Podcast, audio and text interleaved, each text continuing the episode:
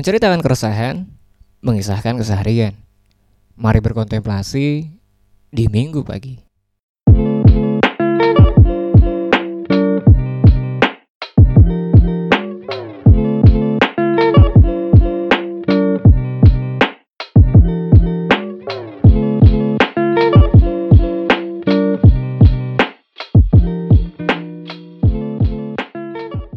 Balik lagi nih di kontemplasi minggu pagi. Buat episode kali ini ada Pak Ken dari Lingkar Sosial. Ya. Eh, ini sebuah organisasi yang bergerak di bidang pemberdayaan eh, teman-teman disabilitas gitu Ya, ya. Mungkin benar, bisa ya. sambil kenalan dulu Pak Ken. Oh iya. Iya. Iya, kenalkan nama saya Ken Kerta Heeh. dari Lingkar Sosial Indonesia. Sebuah organisasi yang bergerak pada isu-isu penyandang disabilitas. Eh, kita ada tiga kegiatan utama dalam lingkar sosial. Yang pertama adalah advokasi ekonomi, di mana kita membentuk kelompok-kelompok kerja disabilitas. Kemudian yang kedua adalah advokasi kebijakan. Kita membangun forum malang inklusi untuk melakukan audiensi-audiensi pemerintah dan memastikan kebijakan pemerintah atau mempengaruhi adanya kebijakan baru yang berpihak pada masyarakat penyandang disabilitas. Dan ketiga adalah pendidikan dan penyadaran masyarakat. Menurut Mas Ken sendiri sebenarnya disabilitas dan inklusi sendiri definisi buat Mas Ken itu gimana sih Mas? Soalnya Ya. mungkin teman-teman kan juga apa ya mungkin mungkin masih ada yang melihatnya sebelah mata mungkin atau stigmanya negatif. Kalau untuk Mas Ken sendiri disabilitas dan inklusi itu sebenarnya apa sih? Eh, bincang-bincang tentang disabilitas itu kita ada mengenal tiga istilah yang populer. Eh, yang pertama adalah penyandang disabilitas itu berdasarkan Undang-Undang Nomor 8 Tahun 2016 tentang penyandang disabilitas yaitu adalah orang yang mengalami hambatan eh, memiliki keterbatasan fisik, eh, intelektual, mental, sensorik sehingga mengalami hambatan, Hambatan. partisipasi sosial Hmm. itu penyandang disabilitas. Mereka memiliki hambatan karena faktor fisik, mental, intelektual dan sebagainya serta lingkungan yang tidak mengakomodir kebutuhan mereka. Itu penyandang disabilitas. Kemudian ada lagi difabel, different people ability. Itu istilah yang digunakan oleh orang-orang yang tidak menyukai istilah disabilitas Oke. Karena bermaknakan seolah-olah keterbatasan. Kita bukan terbatas tapi kita berbeda. Hmm. Itu eh, filosofi yang mereka munculkan. Dan kemudian terakhir adalah istilah yang kuno, yang awal yaitu istilah penyandang cacat. Cacat. Nah, cacat ini eh, kami melihat sebagai konotasi yang negatif, Negatif sekali. eh, karena bermaknakan tidak sesuai, kurang layak, bawah standar dan sebagainya. Dan di sini kami terus mendorong istilah-istilah yang baku sesuai undang-undang yaitu disabilitas atau kita juga bisa menggunakan istilah difabel. Difabel. Sedangkan inklusi itu adalah eh, bagaimana kita melihat sebuah perbedaan itu bukan sebagai hal yang mesti dibedakan, Hmm. tapi adalah sebuah keragaman. Dan bagaimana kita bisa menerima perbedaan sebagai keragaman bahkan sebagai identitas diri manusia seperti difabel atau penyandang disabilitas. Mereka bukan berbeda, tapi mereka adalah sebuah keragaman dan mereka adalah sebuah identitas. Memang dari begitu sononya. Bagian dari kita juga gitu Betul. ya. Pak. Nah, nah, dan itu menjadi tugas negara untuk memenuhi hak mereka. Hmm. Dan kita ketika berbicara negara itu tidak cukup pemerintah, tapi di dalam negara ada pemerintah dan masyarakat. Masyarakat. Makanya kami bergerak membentuk lingkar Lingkar sosial, sosial ini. Gitu Iya. ya. Oke. Itu secara nggak secara nggak langsung terbentuknya lingkar sosial dari itu gitu ya, Iya. Pak. Eh, kalau lingkar sosial sendiri sebenarnya tidak hanya fokus di disabilitas, karena eh, ketika kita berbicara lingkar sosial itu filosofinya adalah eh, keinginan keinginan kami untuk membentuk sebuah lingkaran yang Hmm. berisikan aktor-aktor sosial. Karena selama ini kami melihat banyak orang yang peduli, banyak kelompok yang peduli, Hmm. tetapi karena mereka belum menjadi satu bagian dari pergerakan, eh, itu, Itu tidak, tidak- menyelesaikan Ah. masalah sosial. Makanya gerak kami berbeda. Ketika kami, ketika saya ada di mana Palembang Hmm. beberapa tahun lalu, kami menangani gizi buruk. Oh, gitu. Karena di depan kami ada gizi buruk. tergantung masalahnya apa Iya, gitu ya. ah. Pak. kemudian di Mojokerto kami menangani persoalan kusta. Hmm. Dan di Malang kami bertemu dengan teman-teman disabilitas, Disabilitas. kami menangani masalah disabilitas. Sendiri. Jadi seperti itu. Oke. Kita memiliki Pokja. Pokja. Pokja wirausaha itu yang pertama. Di mana kita eh, sekarang ini sedang fokus pada eh, berjejaring dengan UKM-UKM. Oke. Karena eh, teman-teman difabel juga memerlukan permodalan, memerlukan pekerjaan, memerlukan jaringan bisnis dan sebagainya eh, tanpa kita pusing-pusing memikirkan modal. Iya. Karena dengan berjejaring eh, kita akan mendapat bisa bisa sharing job, sharing modal dan sharing jaringan. Itu yang pertama. Eh, yang kita kejar yang kedua adalah eh, Pokja Desa Inklusi. Desa inklusi. Di mana Desa inklusi. iya desa inklusi di mana eh, kita menginklusikan desa-desa dimulai dari Kabupaten Malang. Hmm. Ada dua kebaikan di dalam desa inklusi ini. Yang pertama adalah adanya peraturan desa yang nantinya akan mengatur upaya perlindungan dan pemberdayaan teman-teman disabilitas di tingkat Oke. desa. Yang kedua, akan ada anggaran per tahunnya untuk membiayai kegiatan pemberdayaan disabilitas dan teman-teman terlibat dalam rencana penganggaran itu. Jadi di elemen kita itu ada elemen pembina. Hmm. Elemen pembina ini eh, beberapa orang yang direkrut oleh pendiri, pendirinya saya sendiri ya. Eh, itu untuk membuat perencanaan program, mem- memutuskan kebijakan, me- apa, merancang strategi dan sebagainya. Hmm. Kemudian di bawahnya itu ada ketua harian. Itu harian. Itu mereka yang melaksanakan eh, fungsi-fungsi harian organisasi. Dia diawasi oleh badan pengawas supaya eh, apa yang dilakukan oleh para pengurus ini tidak menyimpang dari anggaran dasar anggaran Dasarnya. rumah tangga. Hmm. Kemudian di bawahnya ada manajer-manajer. Kita di sini menggunakan tiga manajer. Ada manajer kewirausahaan, kewirausahaan sosial yang menangani masalah pokja, Iya. wirausaha. Kemudian ada eh, manajer desa inklusi. Manajer ini desa yang inklusi. eh, merancang bagaimana teknik dan sistem menginklusikan desa-desa. Karena lain desa lain, beda ya kearifan lokal. masalahnya atau oh, Nah, apalagi sudah beda kecamatan. Hmm. Kecamatan Lawang dengan kecamatan Bodali, apa, dengan kecamatan Pakai Saji sudah Saji, berbeda cara hmm. kita untuk melobi. Kemudian, nah ini tugasnya manajer desa inklusi. Kemudian yang di sebelah itu adalah eh, manajer kepemudaan. kepemudaan. Pokja kemudaan ini pokja yang paling baru Hmm, kita oke. buat. Hmm, karena begini, eh, selama ini sejak Lingsos berdiri tahun 2014 sampai saat ini, Hmm. ini peran pemuda sangat kecil, Oh, sangat oke. minim. Bahkan bukan hanya di lingkar sosial, di kelompok-kelompok ya, lain. Hmm. Masih Di kelompok-kelompok lain, betul, ha, itu juga perannya sangat minim. Tadi tadinya saya pikir eh, anak-anak muda tidak tertarik dengan masalah sosial, mereka sibuk dengan sekolah atau sibuk mencari pekerjaan. Ya. Tapi ternyata itu tidak.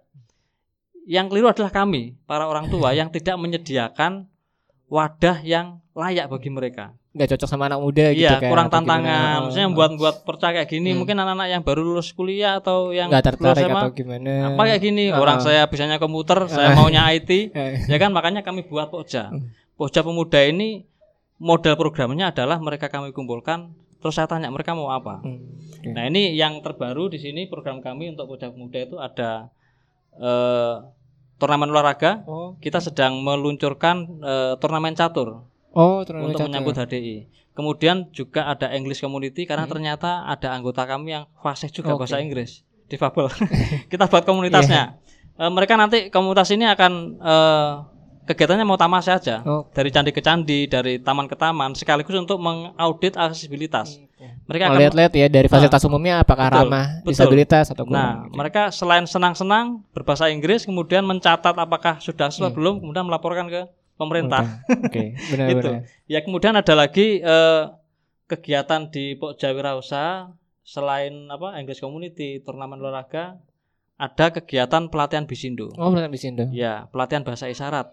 Kami juga juga akan melak- menga- kami mengadakan pelatihan Hmm. bisindo. Ini kita kerjasama dengan Kerkatin. Oh, keren. Kerkatin. Nah, bisindo kemudian juga ada pelatihan-pelatihan eh, keorganisasian. Ini juga sangat kita dorong. Artinya di sini apa yang diinginkan oleh para pemuda ini kita orang tua mencoba untuk memfasilitasi, Iya. Mengarahkan dalam kerangka organisasi secara benar. Gitu.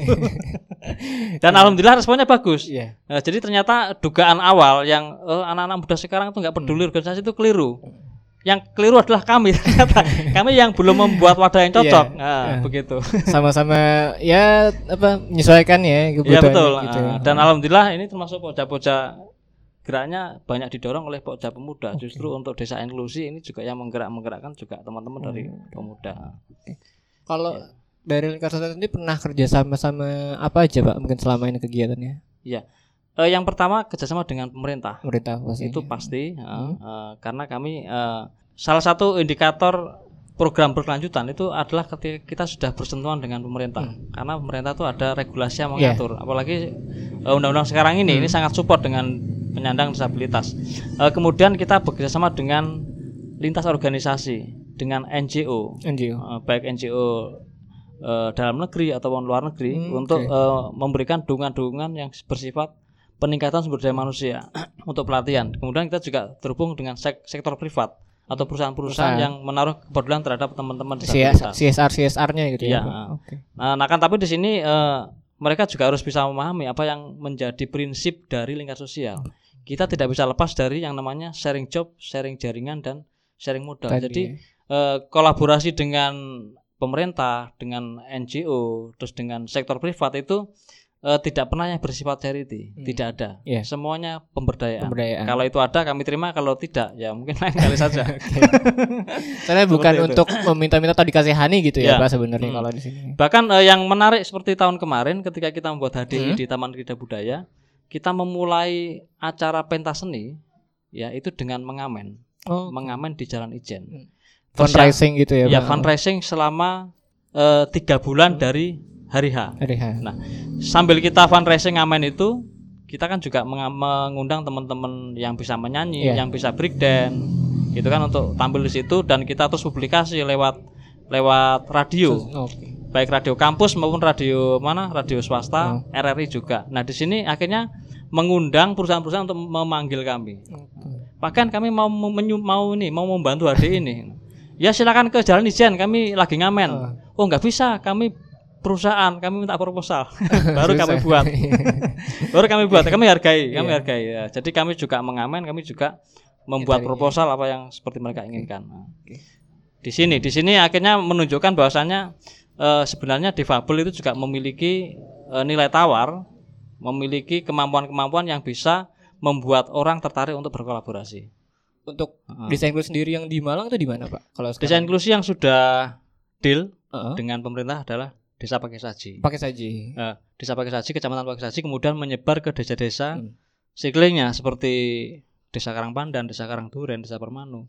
Kemudian eh, di Kecamatan Lawang ada Desa Bedali. Oh, di sini beda. Ya, ini ini sudah juga kita sedang mulai. Semua sedang mulai, ya. Yang membedakan mungkin eh desa inklusi yang di sini dengan desa pada umumnya itu gimana sih, Pak? Contohnya mungkin teman-teman kan mungkin yang denger ini nggak semuanya tahu ya. Ya. Inklusi itu seperti apa, bedanya Jadi yang membedakan desa inklusi dengan desa lainnya adalah bagaimana desa memandang eh, penyandang disabilitas sebagai warga negara yang setara. Hmm. Jadi eh, sekarang ini jika kita ngecek ke Hmm. desa-desa, eh, terutama pada sebelum era-era tahun eh, 1000 eh, 2019 sebelumnya, 2018 sebelumnya, ini kita akan mengetahui bahwasanya di dalam profil desa itu belum sepenuhnya terdapat informasi tentang penyandang disabilitas.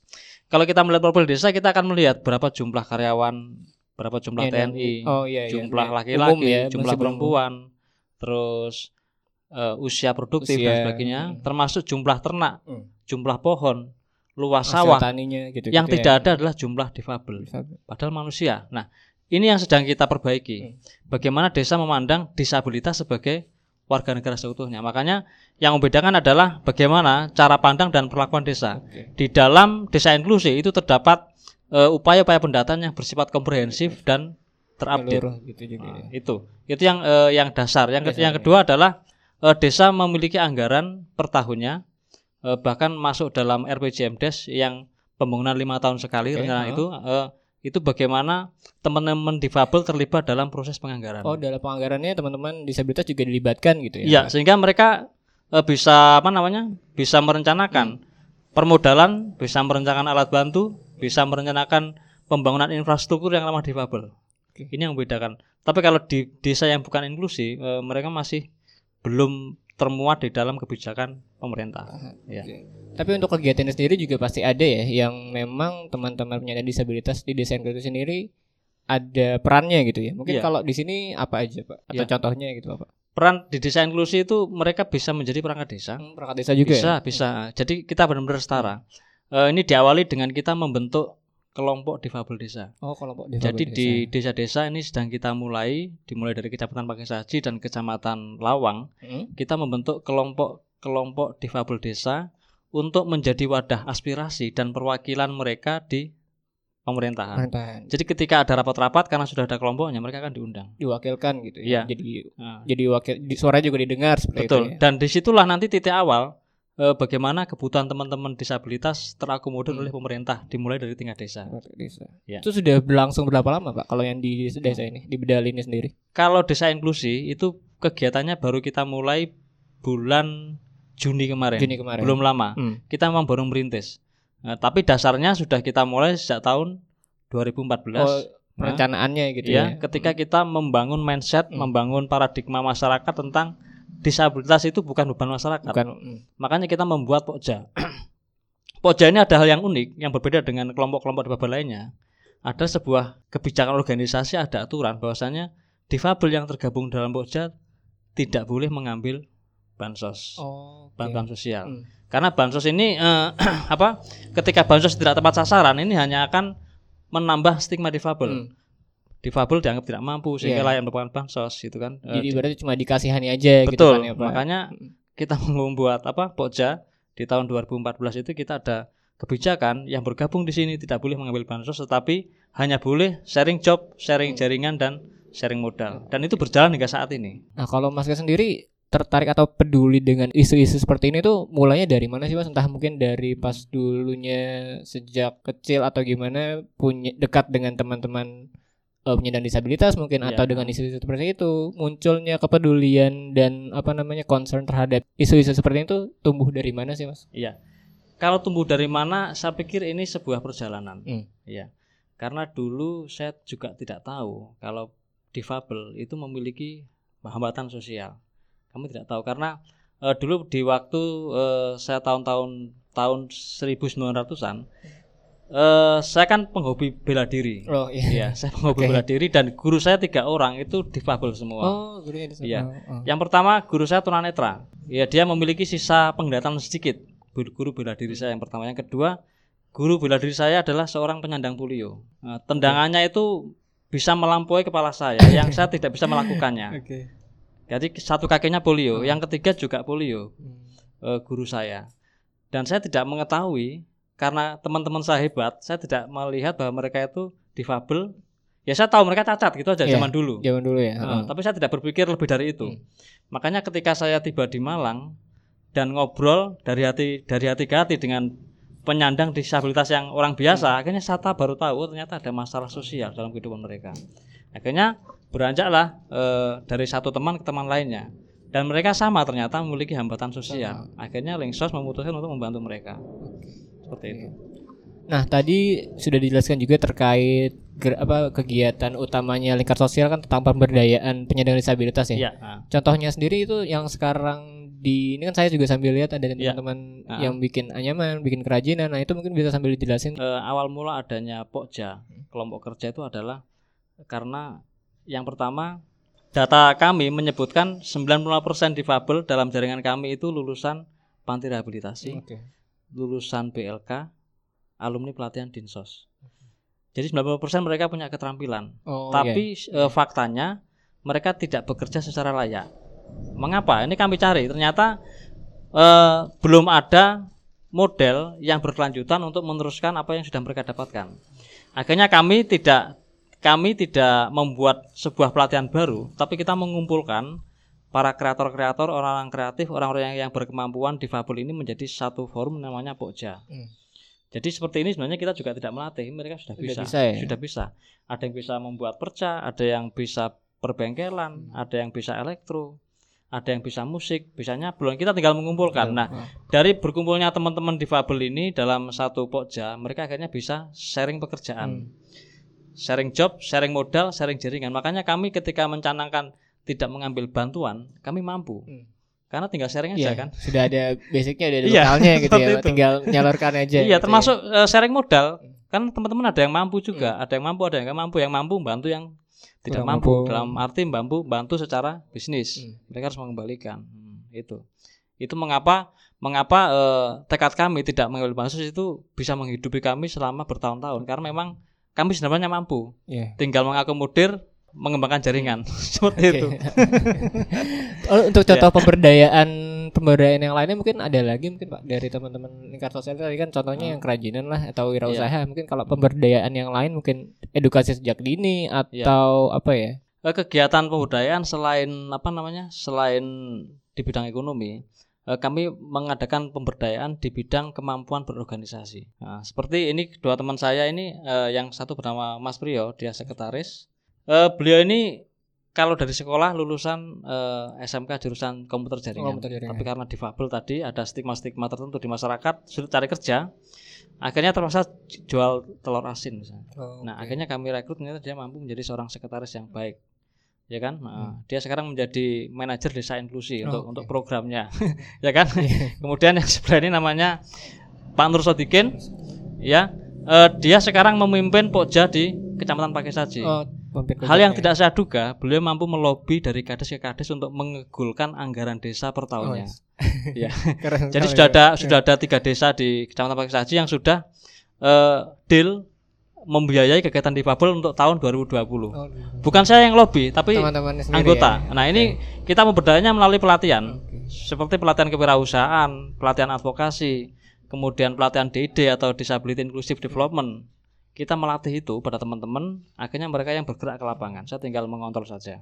Gitu. Nah.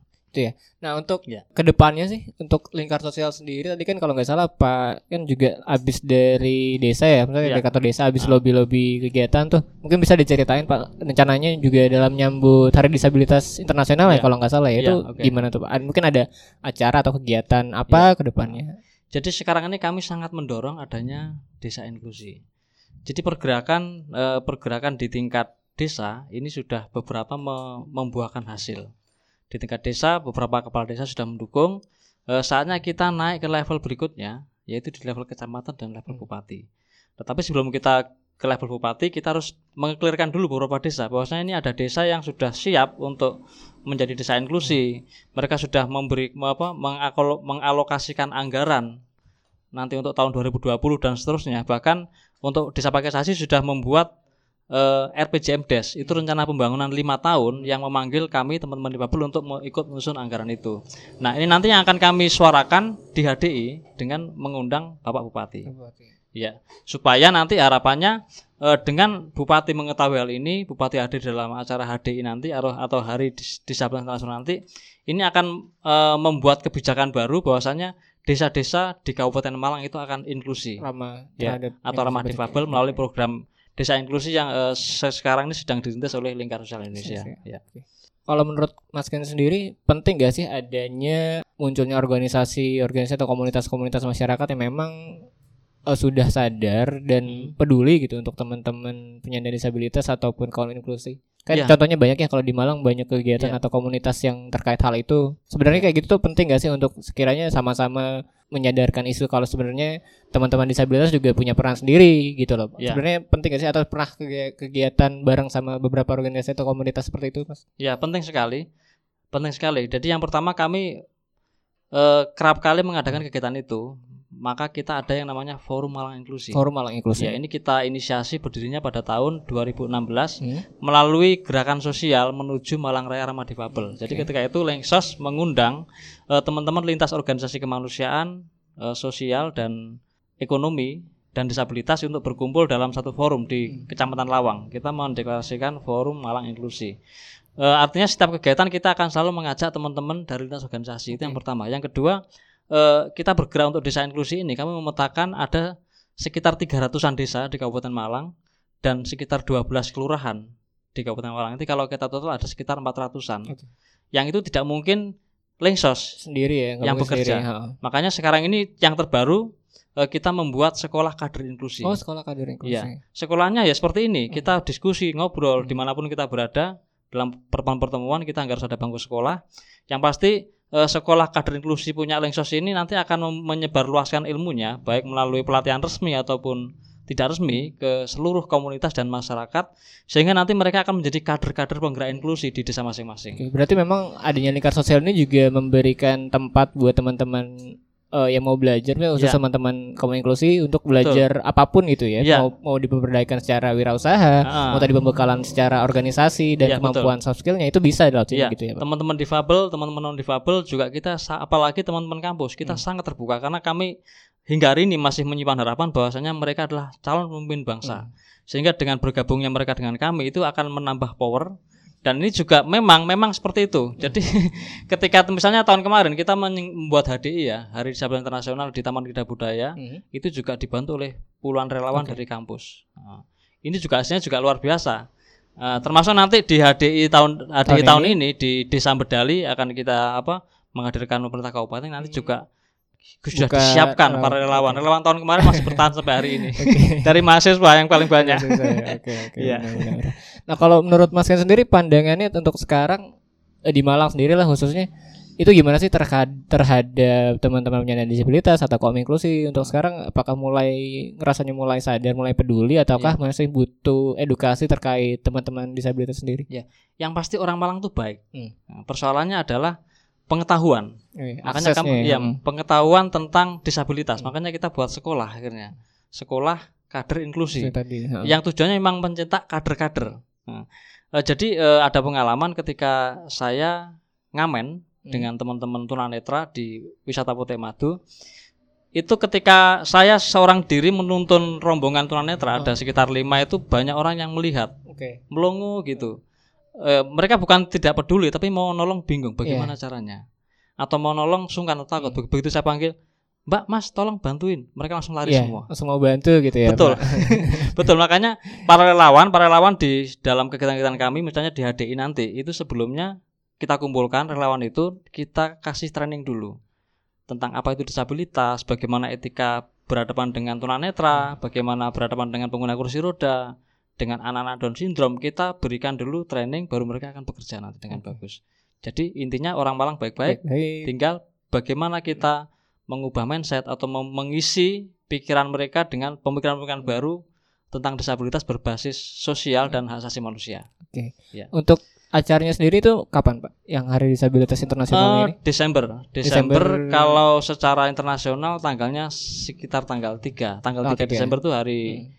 Disabilitas internasional. Eh, mungkin kami akan membuat sekitar tanggal 5 ke atas. Itu kegiatannya ngapain, Pak? Kira-kira? Kegiatannya eh, yang pertama intinya di situ kita mengundang pemerintahan Hmm. untuk mengambil komitmen mereka. Apa komitmen bupati, komitmen camat dan komitmen kades-kades di Malang di Kabupaten Malang ini terhadap eh, penyandang disabilitas. Komitmen yang paling penting. Kemudian yang kedua adalah eh, kita membuat bursa kerjasama wirausaha. Hmm, oke. Nah, kita mengundang perusahaan-perusahaan untuk menawarkan apakah mereka akan bekerjasama untuk kewirausahaannya teman-teman difabel.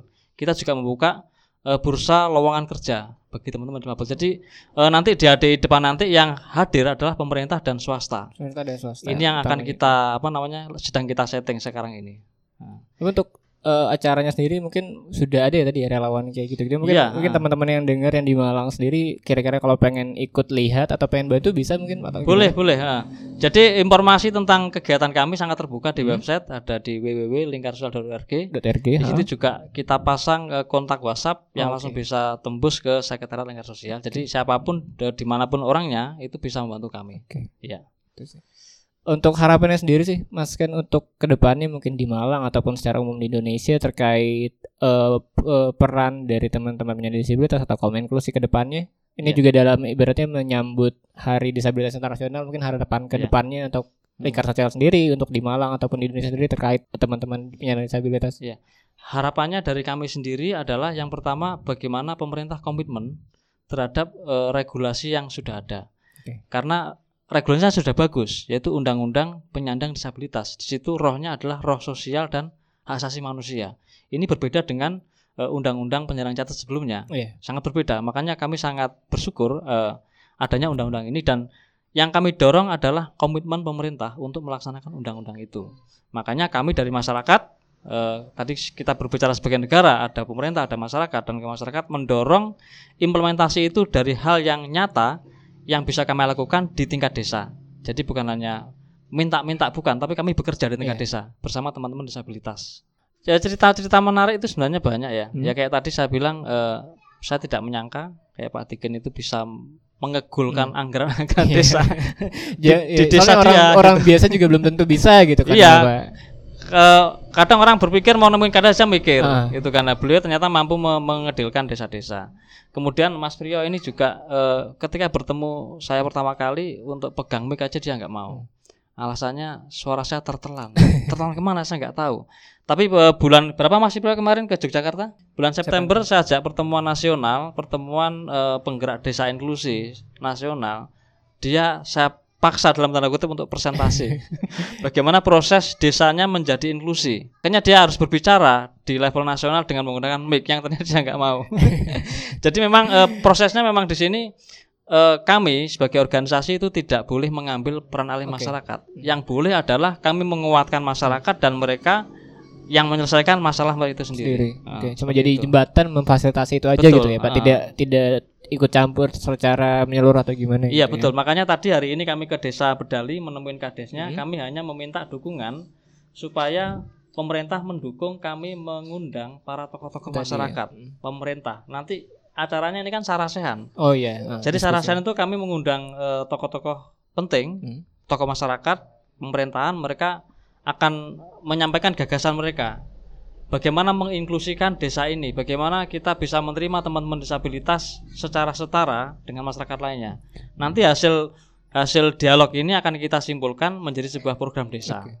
Nah, seperti itu. Jadi kami hanya memfasilitasi, mengumpulkan orang-orang yang, yang sekiranya pengen suaranya terwakilkan untuk Betul. menyuarakan suaranya. Nah, gitu karena ya. kadang-kadang orang mau peduli karena nggak tahu wadahnya, hmm. nggak bisa atau nggak bisa bingung, atau bingung gitu. Nah, kan. Akhirnya kami lah yang mengumpulkan. Okay. Di sinilah peran lingkar sosial. Nah, iya. Menuju hari disabilitas nasional tahun 2019 ini eh, kami mengajak seluruh elemen masyarakat untuk bergabung hmm. untuk mendukung acara ini karena difabel itu adalah bagian dari negara ini. Mereka adalah identitas dan prinsip pentingnya adalah semua orang bisa menjadi penyandang disabilitas, ya, baik karena sejak lahir atau mungkin karena sakit, karena kecelakaan, kecelakaan dan sebagainya. Oleh karena itu, mari kita apa namanya mensukseskan kegiatan-kegiatan inklusif uh, yang dilakukan oleh teman-teman lingkar sosial dan jaringannya di sini. Sekian buat episode kali ini. Sampai jumpa di kontemplasi minggu pagi selanjutnya.